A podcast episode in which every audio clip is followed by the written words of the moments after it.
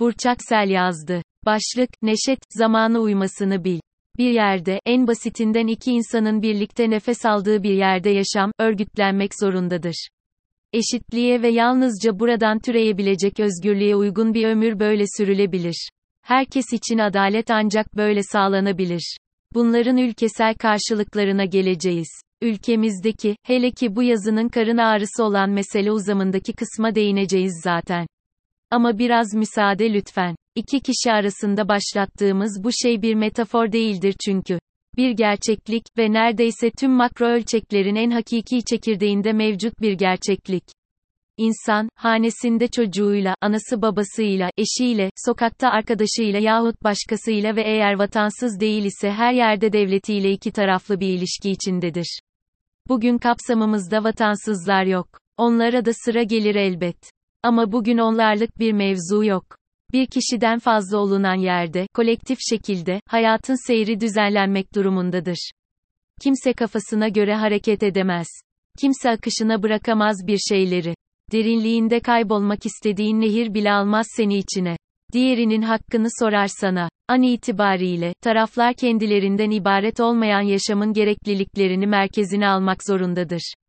Bugün harflerin vuruşları biz, devletlular için, insan, kendisi gibi irade sahibi olmayan hayvanıyla bile kendi vicdanı bağlamında basbayağı dual bir ilişki içindedir.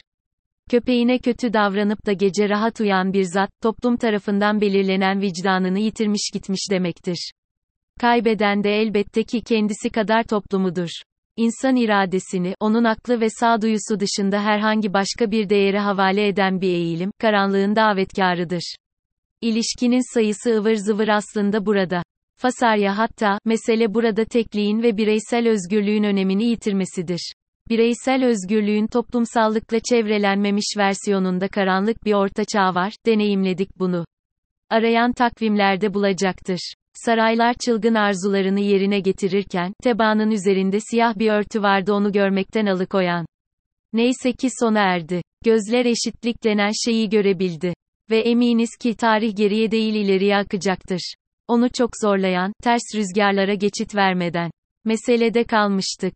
Konumuzda, toplumsal hayvan olan bizlerin egemen olduğu bu evrende ülkelerimizden başlayarak iradelerimizin bizi ve biz dışında herkesi bağlamasının, bu özgürlüğün daha başından ayaklarının yere basmadığını göstermesidir mesele.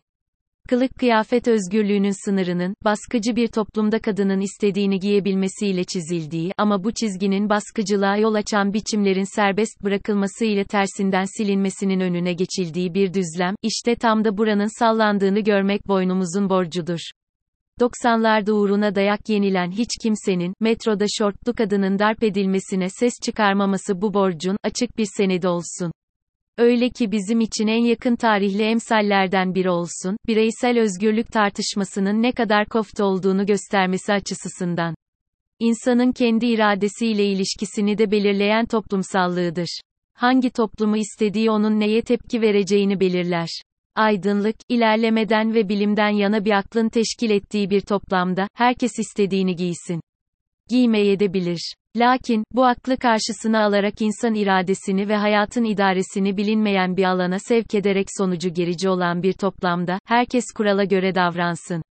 Neşet'e 10. Senay devriyesinde bir selam göndererek kapatalım. Cehalet şu bana neler eyledi boş yere bağladı boşa eyledi garip bu sözleri sana söyledi gel gardaş zamanı uymasını bil sana söyleneni duymasını bil.